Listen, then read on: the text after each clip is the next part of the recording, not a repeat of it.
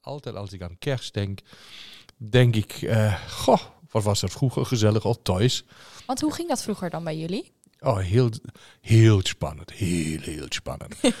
Ehm, dus eh, op de 24e zelf, dus als we klein waren, mijn zus en ik, ging, eh, wo- wordt de kerstboom eh, opgezet. Nou, als we klein waren, mochten we dat toch niet weten. Oh, tuurlijk, Mhm. geheim, geheim. Ja, ja. En eh, later mochten we dan meehelpen eh het opzetten. Maar dan ging de woonkamerdeur die ging dan dicht. En ehm, ja, en dan mochten we dan de hele dag dan niet in. En eh avonds ging je dan samen naar de kerkdienst. En ehm, of af en toe ook in de heel late kerkdienst. Dan was voordien eten en cadeautjes krijgen. Maar het was een heel festelijke sfeer altijd. De dennenboom was eh, fijn versierd. eh, mijn moeder heeft het eten eh, lekker bereid. En dan hebben we hier...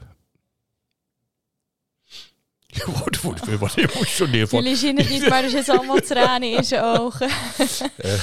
oei, oei, oei, Ja. En, en- met en wie heb je dan gevierd? Ja, ehm, met mijn ouders, mijn zus en ja, opa's en oma's.